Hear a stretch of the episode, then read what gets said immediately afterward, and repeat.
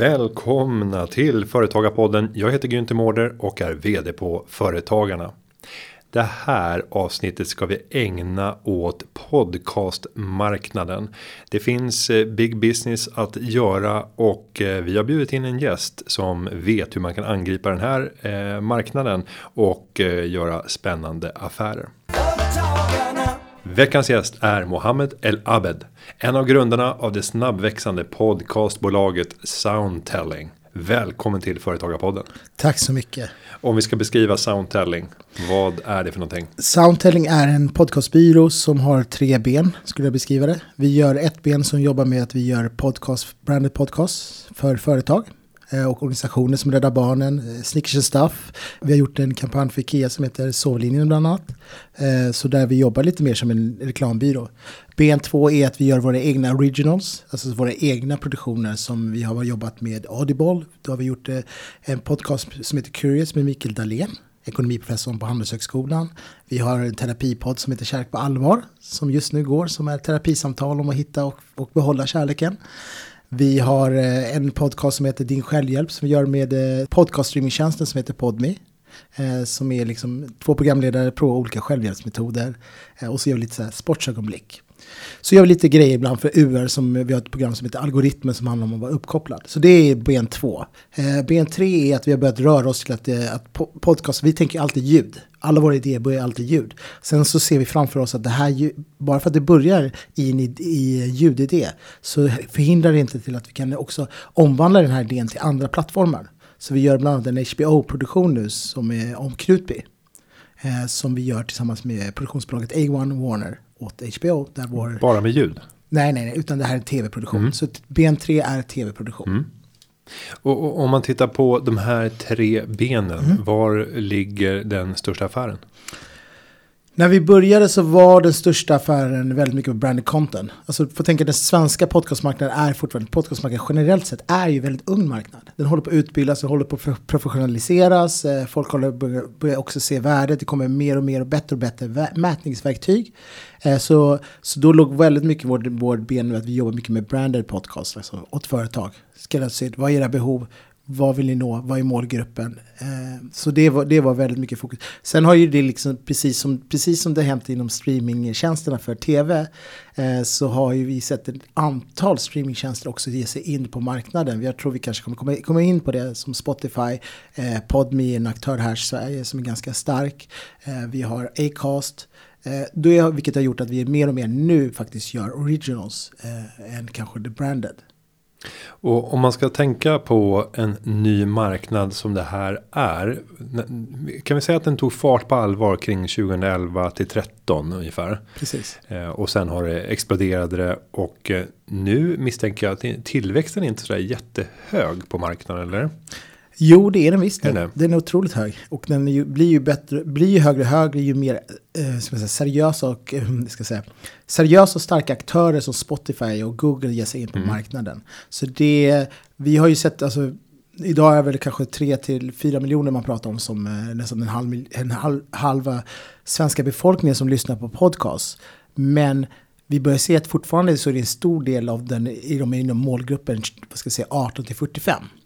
Sen har vi en väldigt stor målgrupp som ligger ovanför de här 45-åringarna eh, som faktiskt redan är vana lyssnare. Men de lyssnar ju väldigt på linjär radio, väldigt mycket, Sveriges Radio. Och nu, tack vare Spotify, för de vet ju oftast hur Spotify-appen funkar, mm. har den målgruppen börjat hitta till podcastmarknaden. Så det... Vilket svar är då att ja, det finns otroligt mycket potential. Nu pratar jag bara utifrån Sverige. Och om vi sätter Sverige i ett internationellt perspektiv. Ligger vi före eller efter de länderna vi brukar vilja jämföra oss med? Du tänker kanske USA eller? USA, Frankrike, Tyskland, Italien, Spanien. Ja, de europeiska länderna, USA. Svårare att jämföra kanske med Asien för marknaden ser annorlunda ut där. Mm. Sverige är ju ett eh, early adopters land och eh, podcast har ju verkligen varit ett sån här, där vi var väldigt tidiga. Vi, man såg också en otrolig våg. Det var influencers, influencers som pratade till sina fans som har varit de drivande när det kommer till podcastmarknaden i början. Så där vi, har vi varit väldigt lika det att Sverige är ett early adopter-land. Alltså, många, man kunde se också att många amerikanska poddar går ju bra i Sverige också. Alltså ta Serial som då i världen var är väl fortfarande världens största podcastserie.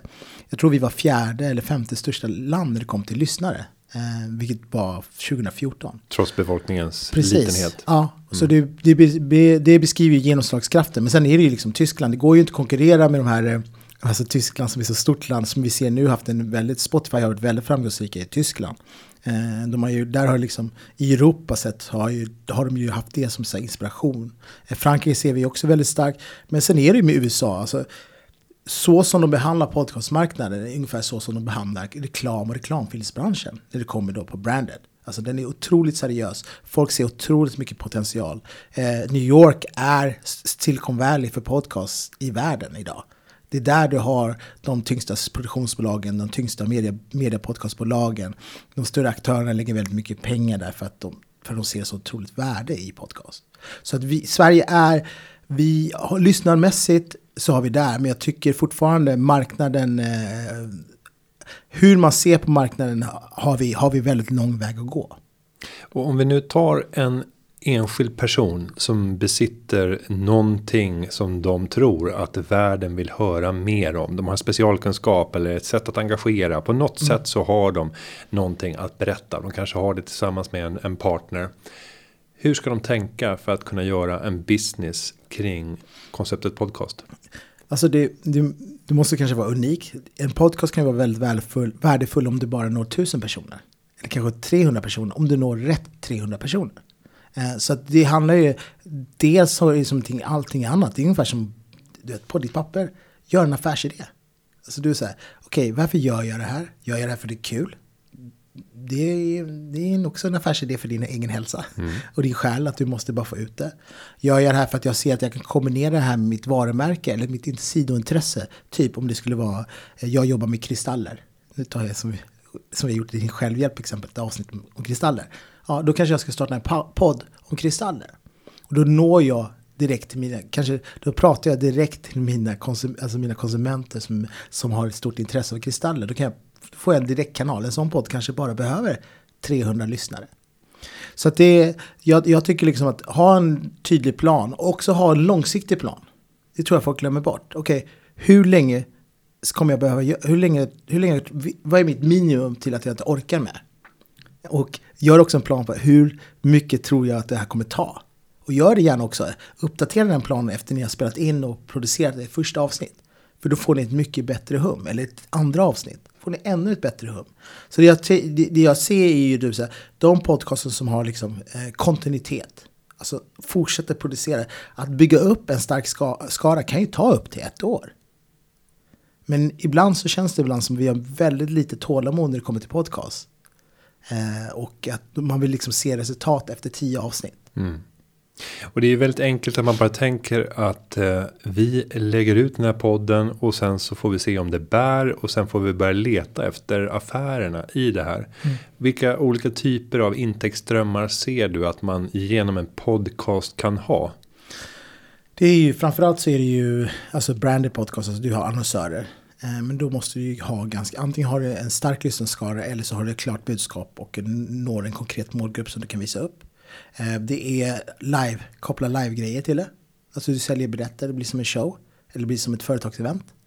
Eh, du eh, kan också göra det kopplat till, till att du gör det både för YouTube och podcast samtidigt. Vi har ju sett att vissa poddar som ökar sin, hur ska man säga, sin räckvidd jobbar väldigt mycket med dubbla plattformar. Jag ser, sen så ser jag det, alltså som affärsidé är ju varumärkesbyggande. Podcasten blir en konkret varumärkesbyggande utifrån dig som person. Där du senare kan gå ut och föreläsa, sälja böcker. Eh, alltså, då, då, då hämtar du hem pengarna i, i, i den delen av, eh, av, av, av ditt... Av, då hämtar du hem pengarna på böckerna. Du hämtar hem pengarna på dina föreläsningar. Nu gav jag dig bara några exempel. Mm. Ja, men och det, jag tycker det är spännande att vandra över till helt andra miljöer där man faktiskt har stärkt sin egen aktie skulle man kunna säga. Där du plötsligt kan börja kapitalisera på helt andra områden. Jag tänkte på det här för två veckor sedan i samband med eh, att eh, Palmemordet löstes. Ja, Eh, man garvar åt det. Eh, herregud, vilken cirkus för ett konstigt besked. Men då var det ju en som driver en podd just om Palmemordet. Som plötsligt blev expert och han blev intervjuad överallt. Mm. Eh, och ganska roligt då hur en privatperson som har drivit en podd då plötsligt blir en seriös tung aktör som man väljer att ta in i så Sveriges Radio när man ska sitta i Studio 1 och diskutera den här domen, eller domen, eh, den här lösningen som har presenterats. Så det går att bygga sig själv som expert genom podden på ett, ett förtjänstfullt sätt. Ja, alltså det är ju det som är liksom det underbara. Jag är så otroligt stort fan av den digitala utvecklingen. För den gör ju typ, innan var det ju bara Sveriges Radio och SVT som var gatekeepers. Alltså för att kunna prata med medierna. Alltså, du, du var tvungen att komma in på Sveriges Radio, du var tvungen att gå på Journalisthögskolan. Alltså jag tror ju, vi lever i en tid där vi håller på att omdefiniera hur man berättar. Det kommer in flera nya experter. Ja, det är därför jag älskar det här mediet. För att liksom, det skapar nya röster. För det blir så här helt plötsligt så här, jag sätter mig i min röst och så hör någon så här, wow, fan det här är en fantastisk människa som har jävligt mycket, mer, mycket att säga. Jag hade aldrig hört han eller hon om inte det hade varit för podcast. Så det... Ja, det är häftigt. Om vi går tillbaka till bolagsbyggandet, mm. Soundtelling. Mm. Eh, när du grundade bolaget, vad var det du tänkte? Och när du sitter här idag, blev det som du tänkte det? Ja, så är det alltid. Det, nej, alltså, när vi grundade bolaget så så var det jag och eh, Martin Jonsson som är en, som är en väldigt erkänd radiojournalist som har, ibland har podcasten Spår och också nu gör den här HBO-produktionen tillsammans med Anton Berg eh, och med Knutby. Eh, vi träffades på ett produktionsbolag som heter Ljudbang eh, och liksom som det blir, liksom blev väldigt förälskade i varandra. Vi, vi, kände att vi hade samma driv. Och sen så var vi mitt i, det här var runt 2014, att så här, det var så mycket som hände med podcast. Serial kom eh, och vi började se mer och mer att folk från, som hade jobbat på public service i USA hoppade av och startade podcastbolag som inte var produktionsbolag utan var mer media, mediebolag. Som Gimlet som blev uppköpt av Spotify förra året. Eh, och sen så känner vi Anders Moreno som har liksom ett förflutet från MTV och han har varit med i många vågor. Han har varit med liksom MTV som var störst, sen har gått vidare och jobbat med, eh, med webb-tv.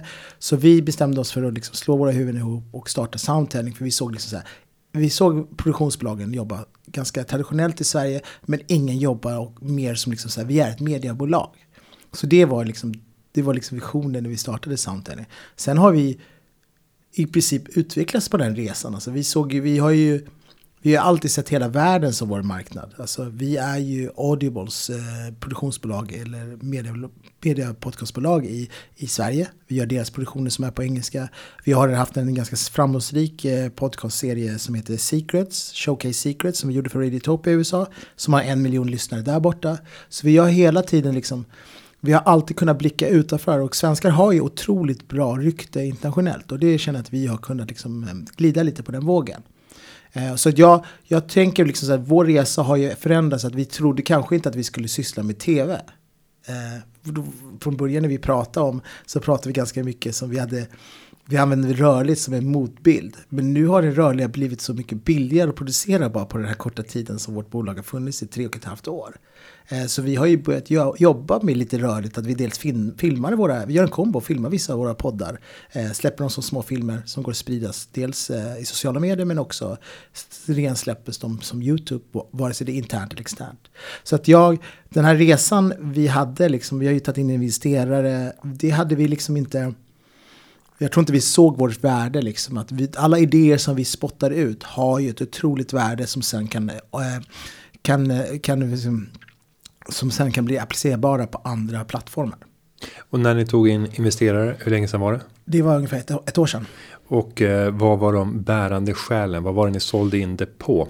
Mm, alltså vi såg en otroligt mycket, vi såg en, dels så var det en, vi vi såg att podcastmarknaden är fortfarande väldigt underutvecklad, underutvecklad i, i, i, Sverige och i Skandinavien. Och då så såg vi också möjligheter att, att vi, många av de här idéerna som vi har och är ljudidéer från början kan lätt bli skalbara till andra plattformar. Så det är väl det som jag ska säga investerare mm. och var. Och sen så hittar vi en investerare, vilket inte alltid är enkelt, men vi hittar en investerare som faktiskt, vi passar i deras katalog och vi ser dem mer som en partner de är med och utvecklar oss så som vi är med och utvecklar dem och alla andra deras eh, ben inom deras portfolio. Och det är Comade heter de. Och idag är ni 12 stycken anställda. Mm. Och om du ser framåt, ska man växa inom eh, rörlig bild? Kommer man behöva dramatiskt öka antalet anställda för att klara av det? Eller jobbar man i nätverksekonomi med egenföretagare? Det är lite svår alltså. Den är, jag har inte tänkt på det. Det är sådana grejer, du vet man startar ett bolag och man startar ett företag. Så det, det, alltså det är så otroligt att, att föreställa dig vad du har, alltså föreställa hur verksamheten ska vara när den är 10, 5, 10. Alltså det är så, och sen så när man är där så är det totalt motsatt när man har tänkt sig. Så att jag tror liksom att eh, vi är liksom i gränsen till så här, att, att, att, vi har en bra, vi är snabbfotade nu. Men jag tror liksom att vi kanske nog måste ta steget, alltså måste, utan jag tror nästa steg är faktiskt att vi växer. Eh, och för att jag, jag tror när man ligger liksom lite mindre bolag, då finns det alltid, antingen är man en eller så är man runt tio, eller så, så är man liksom, man, man tar ett väldigt stort steg så man har ganska mycket kapital att kunna röra på sig och kunna våga satsa, vilket vi är ju nu tack vare att vi har en partner som har gjort det andrummet, Och vi kan liksom satsa mer på våra egna idéer. Så att, eh, svaret är att jag tror liksom att, ja, för oss så är det liksom, vi har en, liksom en, en, en, en en plan framåt för hur vi ska växa. Och, och det, vi ser ju att hela tiden, det, det, vi har ju gått på, vad det, ett och ett halvt år har vi gått från tre till, till tolv. Ehm, så det går ju fort. Och om man ser till eh, utmaningarna för den här marknaden som nu håller på att transformeras. Eh, Spotify har gjort ett väldigt stort nummer över sin stora podcastsatsning och den har svarat fantastiskt när man tittar på börskurs. Eh, vad är det för stora spelförändringar som du ser på den här marknaden för den närmsta tiden som ni kommer tvingas förhålla er till? Alltså det, det, som vi, eh, det som vi fortfarande, det som alltså Spotifys alltså intåg på podcastmarknaden, de, de bestämde sig för att fokusera väldigt mycket på det har ju varit otroligt för branschen och för oss. Alltså det har ju påverkat oss direkt som företag. Eh, det har ju varit väldigt bra för, än en gång, folk vet inte om att de har en podcast-app som heter Podcaster på sin iPhone, alltså den äldre generationen. Men alla vet hur Spotify funkar. Vilket har gett oss en otrolig liksom, skjuts, vilket gett hela branschen en otrolig skjuts. Och jag är ju sån där, jag ser inga som konkurrenter utan jag tycker allting som händer inom podcastmarknaden är positivt. För det be vi, vi, behöver hända otroligt mycket saker fortfarande i Sverige. Så det har ju varit väldigt positivt. Jag tror liksom en, en utmaning, det är ju liksom, jag ser ju de här likheterna med, med med streamingsplattformarna HBO, då pratar Netflix, eh, nu kommer Disney Plus kommer komma till Sverige i september och Europa i september generellt. Så att, att de driver marknaden framåt. Och nu, nu har vi ju via då streamingtjänster i Sverige fått liksom Podme, Acast och det är Spotify. Google har vi också. De, de driver ju, de hjälper till och de har ju så mycket resurser att liksom nå ut och få folk att upptäcka podcast. Alltså, de gör ju väldigt mycket jobb att, för oss att upptäcka podcast. Sen är det ju då vi och andra aktörer som måste då jobba på hur når vi igenom bruset. Så det är ju fortfarande den stora utmaningen. Eh, du ser ju liksom att nu, jag, jag hade ju inte, hade du sagt så här, ska vi jobba med rörlig bild? Som jag sa för, mm. för tre år sedan, så hade jag sagt så här, nej men det är inte en del av vår affärsidé, det är ljud. Alltså jag tror, alltså nu förespår jag liksom, men jag tror inte det är så långt ifrån att typ Netflix skulle starta en podcastplattform. Mm. Eller Disney själva skulle starta en podcastplattform. Och, och sannolikt kanske integrerad i samma interface ja. som man idag använder och är van vid. Ja. ja. Alltså jag tror inte det liksom nu när jag tänker på det, jag har inte tänkt på det innan. Men alltså det är inte så långt steg. Alltså, Disney har ju alla de här IP, de har ju alla IP-kataloger som de sen kan göra om till podcast. Alltså, nu tänker jag framförallt Marvel, Star Wars-katalogen. De ska ju göra rörligt content till sina streamingtjänster. Varför inte då paketera eh, podcast som blir då companion podcast till också de, deras serier? Det har, eller filmer. det har vi sett med Tjernobyl. Eh, Tjernobyl-serien som var på HBO, som var fem avsnitt, som var förra våren va? Mm, jag såg ja. den förra sommaren. Mm. Mm. Och den gjorde man ju en companion podcast till. Alltså man gjorde fem avsnitt. Det var fem avsnitt i tv-serien. Och man gjorde fem avsnitt podcastavsnitt med manusförfattaren. Och varje avsnitt så gick man, igenom, gick man igenom det avsnitt som precis var. Man pratade om så här, vad var verkligt? Vad hände? Vad kunde ni inte ta med? Mm. Den har ju över 10 miljoner lyssningar. Ja, coolt. Eh, ja, det blir ett helt annat tänk när man börjar crossköra de här och sen börjar man sen tänka sociala medier, föda engagemang, låta de som själva är ambassadörer föda samtalet och bara ha det osensurerat och samtidigt bygga värden för en själv.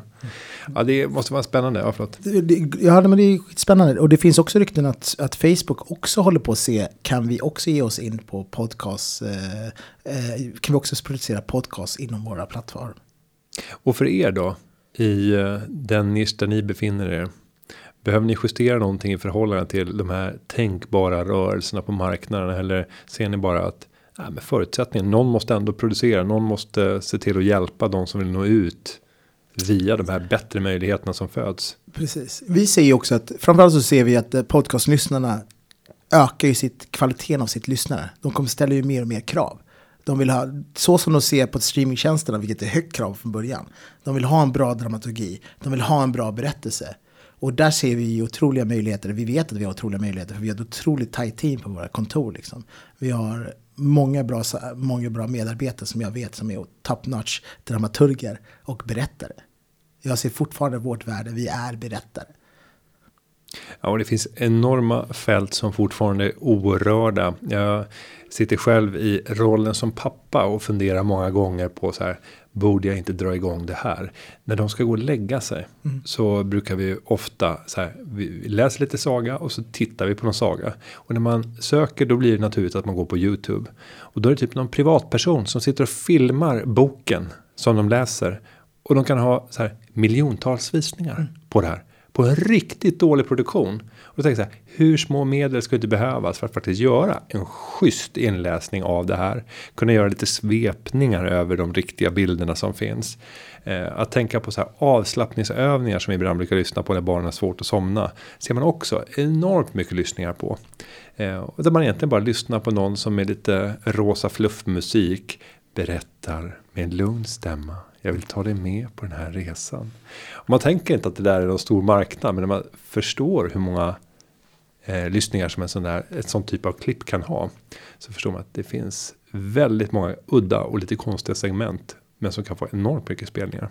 Mm, eh, alltså meditation, alltså vi gjorde, när vi gjorde den här sovlinjen tillsammans med Furniture, reklambyrån, eller kommunikations och reklambyrån eh, för Ikea. Då var det sovmeditation, det var ju otroligt populär linje som folk ringde in och även lyssnade på. Och då ringde man in och bara fick lyssna på. Mm, då kunde man välja via en knapptelefon, kunde du välja tonval och välja en linje. Och då fanns det sovmeditation, det fanns sov, eh, sovnonsens, där någon bara pratade nonsens och det somnade. En person läste Ikea-katalogen. Det var väldigt kul att jobba med, måste jag säga. Ja. Men också en väldigt framgångsrik kampanj. Ja, vad roligt. Eh, om du tittar på själva bolagsbygget då. Vad eh, har varit roligast under de här åren som har passerat? Alltså det som varit roligast har ju typ varit så här. Det går ju så fort ibland som man inte stannar upp. Eh, som företagare. Men det är liksom så här. För, att vi var första svenskar som gjorde, eller skandinavier nästan, som gjorde, gjorde en, en alltså storytelling dokumentär podcastserie i USA. Som ändå blev väl lyssnad. Det är liksom så här, ibland så får jag nypa med armen att liksom så här, när vi åker över till USA så vet folk vilka vi är. Mm. Så jag menar, att folk har koll på oss, alltså inom branschen. Vi blir inbjudna, vi blir tagna som en seriös aktör. Eh, vi, svenskarna kallar de oss. Liksom, mycket så här, fan, vet, för mig, jag heter Mohammed Elabi, jag kommer dit och de säger så här, med svensken. Mohammed Elabi, liksom, du vet, det är, ändå, det är stort för mig. Eh, så det är en stor grej. Och sen så för mig personligen, liksom så här, under alla de här timmarna som man har lagt ner och allting, att jag idag vet verkligen så här, hur jag berättar en story. Att jag kan väldigt fort placera en story och dramaturgi. Är liksom, du fattar inte att du tar in det, men så helt plötsligt sätter, sitter det. Förstår? Det är ungefär som du, du övar och övar på alfabetet och så bara helt plötsligt så bara kommer orden till dig som en liksom poesi. Och, och du fortsätter att vidareutbilda dig. Jag hörde att du skulle på skriva kurs direkt efter det här. Ja, jag går och skriver kursen här den här sommaren. Det är en vecka är det. Så jag provar på att skriva för att jag blir, tycker Bara utmana sig själv och, och Ja. hitta nya vinklingar. Ja, men jag tycker man ska prova på och eh, alltså, hela världen har blivit ett universitet för alla. Det finns sjukt mycket bra på YouTube och nu med corona så har de öppnat upp jättemycket eh, universitetsutbildningar eh, som är väldigt attraktiva. Eh, jag hittade den här skrivkursen och jag har alltid drömt om att prova på och bara så här utveckla mitt skrivande och det är i pri- i princip vad jag gör nu den här veckan på dagarna. Det, det är nog många som tänker just sådär. Men sen får de aldrig ändan ur. Det förblir en tanke. Hur, hur förmår man sig att faktiskt säga. Ja, men nu, nu ska jag göra det här. Jag är väldigt ödmjuk mot mitt driv. Förstår du vad jag menar? Ja. Att jag är väldigt ödmjuk. Jag har ett otroligt driv och otroligt ins... Alltså... behov och kapacitet att suga in nya saker. Eh, så att för mig har det varit liksom så här, jag, jag, eh, jag, jag förstår att folk inte gör det och jag beundrar att folk gör det. Jag skulle också gärna bara vilja vara. Förstår du? Alltså det är lite tudelat. Mm. Men, men har, har man möjligheten så tycker jag liksom så här. Det är det här som att vissa ibland drömmer om att göra andra saker. Eh, men nu finns det möjlighet att kanske bara prova på det en vecka. Mm. Du behöver inte bli publicerad, det är inte därför jag går. Utan jag går för mig själv. Jag sitter i klassrummet och skriver. Det var grunden var.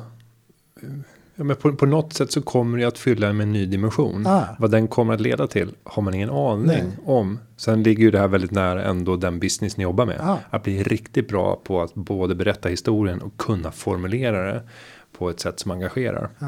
Det... Jag får sju minuter på mig att skriva en text. Och sen ska jag läsa upp den för, för 600 personer. Det är ju bara det liksom. En, jag, jag känner mig som jag gick i tvåan igen. Alltså jag är mm. jättenervös. Alltså staken, vad ska de säga? Och hur ska de tycka att jag inte kan stava? Och, så, men eh, det är en utsatt, det är liksom. Jag tror bara så här. Eh, alltså bestäm dig. Vet du vad jag ska säga så här? Så här är det. Eh, ska jag säga du kommer ungefär, allting som du gör, kommer, om du gör det första gången kommer du vara dålig på det. Det är väldigt få mm. personer som är riktigt duktiga på det direkt. Alltså de är så få begränsade. Du kommer vara, du vet, var beredd på det och, du, så här, och tänk ditt mindset från början. Jag kommer vara dålig på det här. Men jag måste bara slänga ut grejer och prova saker. Och någonstans så kommer jag till slut, folk kommer att lyssna på mig. Och jag kommer bli riktigt bra på det. Jag brukar typ ibland säga, om vi ska gå ta tillbaka till det här vi, vi pratar om idag, podcast. Om någon hör av sig till mig och har en podcast så brukar jag lyssna på deras senaste avsnitt. Och så lyssnar jag på deras första avsnitt. Mm. För då hör jag hur mycket den här personen utvecklas. Och ibland har jag, det har hänt en gång att jag har lyssnat på typ 80 avsnittet och första avsnittet. På en person som hade hennes, hennes första podd. Det var Pop, pop, pop, Culture Confidential som Kristina Järlingbyrå har. Eh, som är en otroligt talangfull researcher och jobbat eh, och eh, journalist och programledare som har jobbat eh, i massa år med Senkväll. Men jag lyssnade på hennes podd typ 80 avsnitt och första avsnitt och det var samma nivå. Men mm. då gick hon ju in på en sån otrolig högsta nivå. Det är typ enda gången det har hänt mig. Och eh, personligen så har jag ju skämt ja. när jag har lyssnat på de första avsnitten som jag har spelat in bedrövligt. Eh, men å andra sidan så så störs jag också över det normala poddlyssnandet. Ja. Där många tänker att det ska vara ungefär som när man börjar en serie. Man tar ju inte det senaste avsnittet det börjar i. Men det är väldigt få podcast som faktiskt bygger upp en story som gör att du måste börja från ettan ja. och sen så lyssnar du framåt. Det brukar ofta gå lika bra att lyssna baklänges ja. och ofta så blir det en bättre upplevelse för du kanske refuserar någonting som faktiskt kommer att bli jäkligt bra men som inledningsvis var lite stapplande. Du lär ju gilla programledaren. Mm. Alltså lär ju också bli, liksom, det blir ju din vän. Vi är ju, vi som gör podcast, vi som jobbar med ljud, vi blir ju dina vänner. Vi blir ju dina partners. Vi blir kanske de här personerna som du blir förälskad i.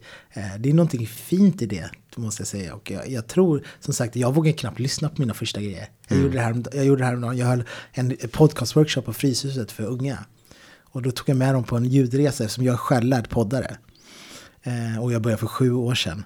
Exakt. Och då tog jag med dem på, liksom så här, de fick höra mina första ord som jag du vet, publicerade i podcast. Och det var jobbigt att lyssna på. Mm. Man, man, hör liksom, jag hör hur jag läser och hur nervös jag är. Men, men som sagt, att, ni kommer vara dåliga. och, och, och, och det är okej, okay, för det är alla. Mm. Och det gäller även om du ska söka någon kurs eller vad som helst. Nu pratar vi generellt sett det vi pratar om. Man kommer vara dålig. Eh, men det är ju någonting fint för du är inte ensam. Ja, bara hitta hur gör man den utvecklingsresan? Ja. Eh, och sen så kanske man har en plan för hur tar jag bort de där första fem avsnitten som kanske inte vill kännas vid ja. i, i, i, slutändan för att göra en restart av podden när man känner att nu har vi hittat formen. Jag har ju också varit med om när jag har startat poddar att du har en viss ambition och har lagt upp med en klar plan för hur det ska vara. Men sen när man märker vad som genererar lyssnarreaktioner så börjar podden evolera in i en riktning som blir någonting helt annat. Eh, så att inte hålla på att låsa sig vid den där skrivbordsprodukten och bara göra den färdiga skissen för att den ska, podden ska bestå av exakt de här blocken och vi ska disponera så här mycket tid till respektive avsnitt. Mm. Men en annan reflektion som, som jag har från en tidigare podd som jag drev som heter Sparpodden. Där eh, märkte vi den största framgången när vi började resonera som att lyssnaren, det var den tredje personen i rummet.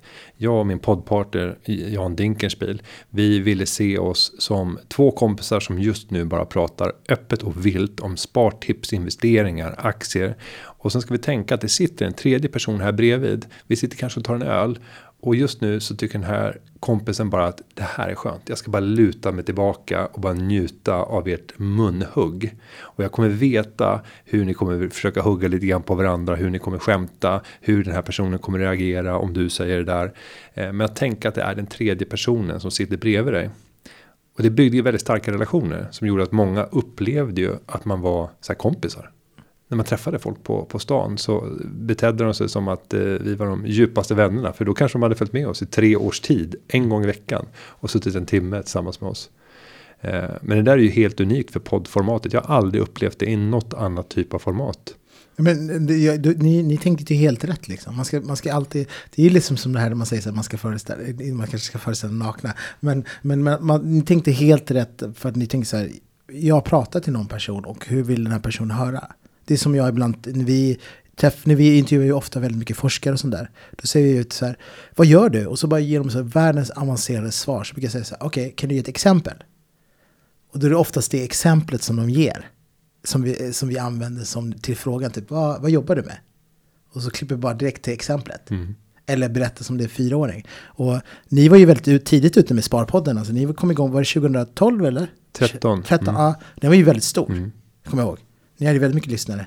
Ja, det var, det var 65 000 lyssningar den bästa veckan. Ja.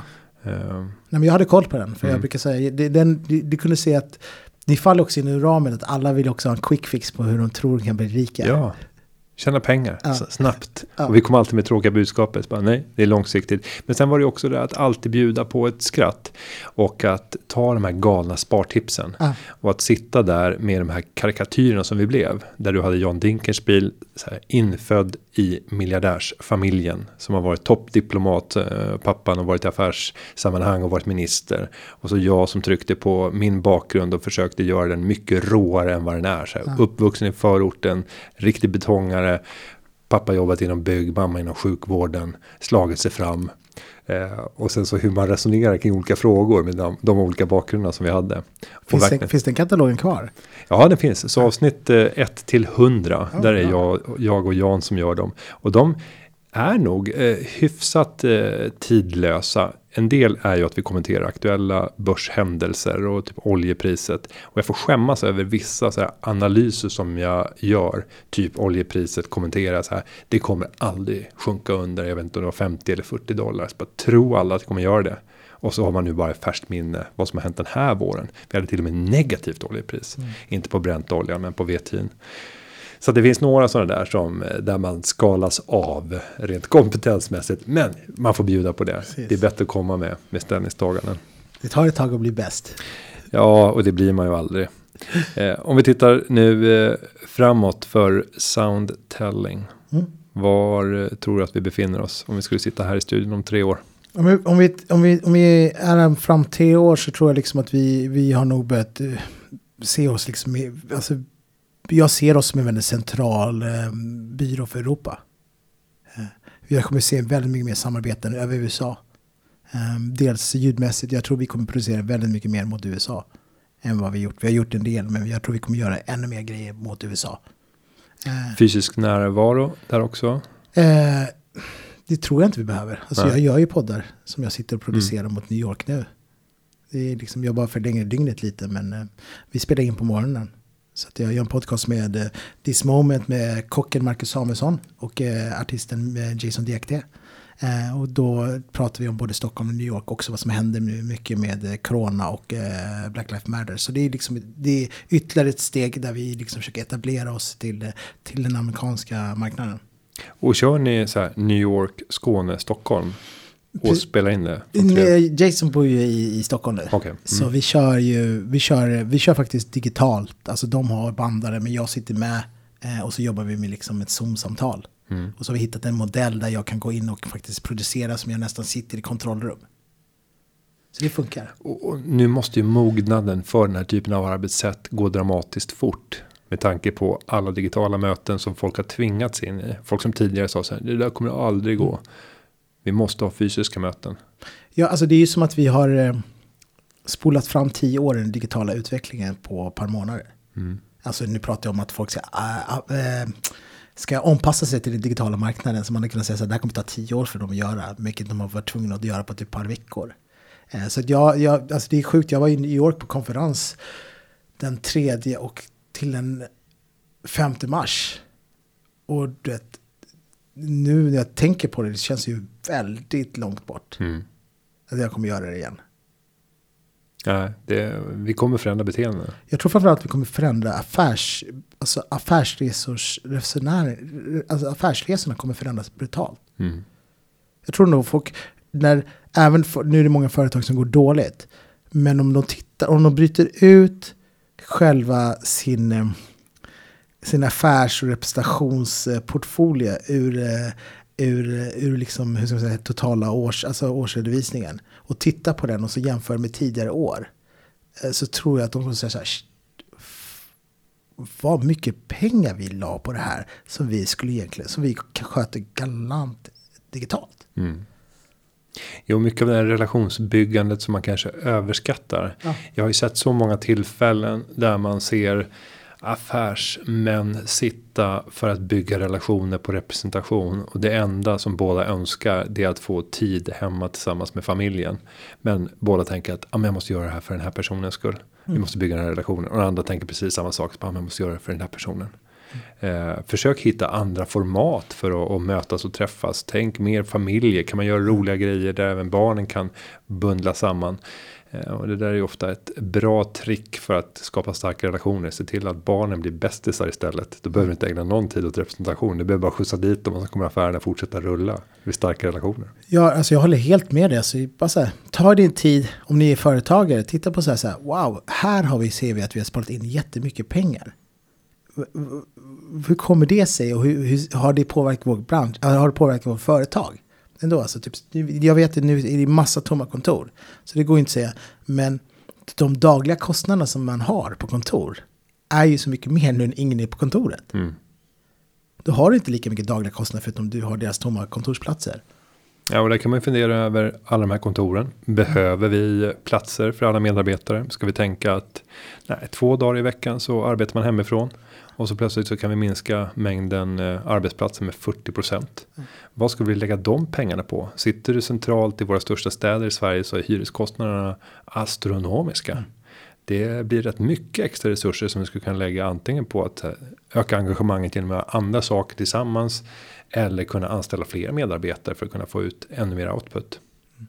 Jag, jag tänker, du, du har helt rätt. Så, så, här, en gång, typ så här, om vi ska, säga, om vi ska vara 25 personer om, om, om, om, om ett år. Vi ska växa dubbla. Då hade ju vi redan nu, då hade Sofia Embrén, vår vice vd, då hade hon gjort en plan för, okej, vi måste till nya lokaler. Mm. Mm, Hypotetiskt nu, om vi, vi skulle säga så här, vi ska växa om 25, 25 personer om ett år. Då kan man säga så här, ah, men nu har corona visat oss, som du säger, vi kanske bara behöver vara här två dagar på, på kontoret. Jag, be, jag framförallt behöver inget skrivbord. Mm. Nej, ta med er alla de sakerna som vi har tvingats till. Fundera över vad det är som faktiskt funkar. Sen är det vissa saker som jag tycker under den här krisen blir lidande. Jag vet inte om du håller med mig. Men kreativiteten. Eh, De här mänskliga mötena. Jag får en annan typ av kreativitet för det blir mycket tid själv. Men att ta det vidare till att faktiskt implementera den här kreativa idén till att faktiskt bli ett affärsprojekt. Det är ytterst få nya affärsprojekt som jag har sjösatt från mars fram till idag. Även om det har funnits idéer. För det är inte de här naturliga samtalen man bara stannar upp vid fikaautomaten. Du tänder till på det. Jag fick ny energi för att fortsätta utveckla det. Du tar den vidare till nästa medarbetare. De kommer på en ytterligare idé. Och så plötsligt har man förlöst någonting nytt som man vill göra. Det blir det eh, väsentligt mycket mindre av för min del i alla fall. Jag håller helt med dig faktiskt. Och det är ju verkligen, det kan jag säga att det har varit det svåraste utmaningen. De här längre kreativa planeringsmötena som egentligen behöver, vi behöver sitta i samma rum egentligen. Jag behöver se ditt kroppsspråk på ett annat sätt. Jag vill se, alltså det här du pratar om som är fantastiskt, vilket jag håller med om. Du plockar energi från andra människor till din egen energi, dina egna idéer. Men det kanske ska vara andra format. Varför göra det i ett vanligt kontorslandskap och vid en kaffeautomat? Om du skulle optimera det och få ut högsta möjlig kreativitet. Hur skulle den miljön se ut om du fick drömma fritt? Sannolikt på ett annorlunda sätt. Ja, det skulle kunna göra. Tror jag definitivt. Så att eh, vi får väl ta alla de här idéerna som föds under den här krisen och eh, så får vi hoppas att så många som möjligt tar sig ut på andra sidan för det är väldigt många som har det oerhört tufft. Men eh, det ska bli spännande både att följa framväxten av den nya poddmarknaden och inte minst er position och hur ni slår er fram. Jag slås över den energi och det driv som du har. Eh, jag tror att det kommer föra bolaget långt. Stort tack för att du kom till Företagarpodden. Tack så mycket. Det är kul att jag fick komma hit. Det är väldigt kul. Väldigt fint och roligt samtal. Härligt. Och jag ska säga att underlaget till den här podden har förberetts av David Hagen. Och den som har gjort klippningen det är Petra Chu. Vi hörs igen nästa vecka.